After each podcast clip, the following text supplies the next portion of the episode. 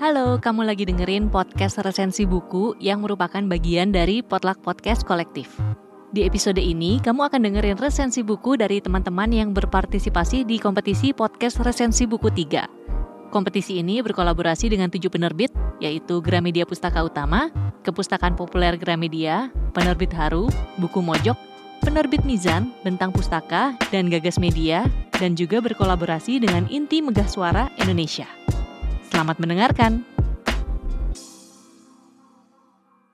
Halo semuanya, kenalin, namaku Fatimah dan ini adalah resensi buku pertamaku. Semoga kalian suka dan bisa ambil manfaatnya ya. Resensi buku kali ini terasa istimewa karena untuk pertama kalinya aku buat dan didukung oleh kompetisi podcast resensi buku dan tujuh penerbit ternama di Indonesia. Terima kasih ya buat kesempatan yang berharga ini.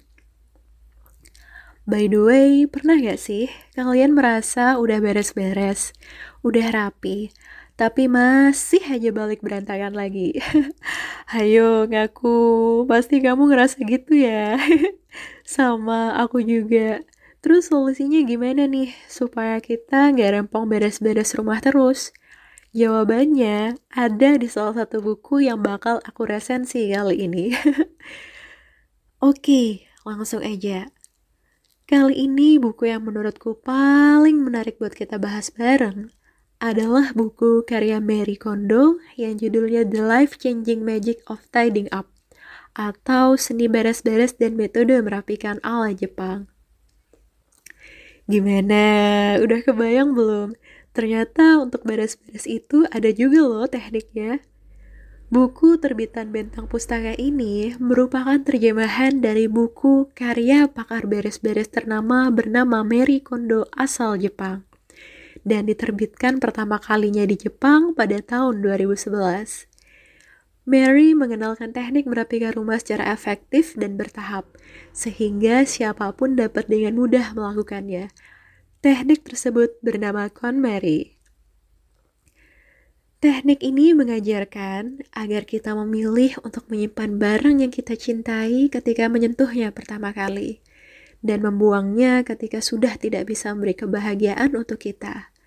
Bahkan, sebelum membuang barang tersebut, Mary mengajarkan untuk tidak lupa mengucapkan terima kasih sebagai bentuk apresiasi karena keberadaannya pernah memberi manfaat dalam hidup kita. Metode ini terbilang unik dan dilanjutkan dengan metode berbenah secara bertahap dan sesuai kategori. Dimulai dari pakaian, buku-buku, kertas-kertas, maupun berkas-berkas, komono atau pernak-pernik, uang-uang receh, barang-barang bernilai sentimental, hingga yang terakhir adalah koleksi foto.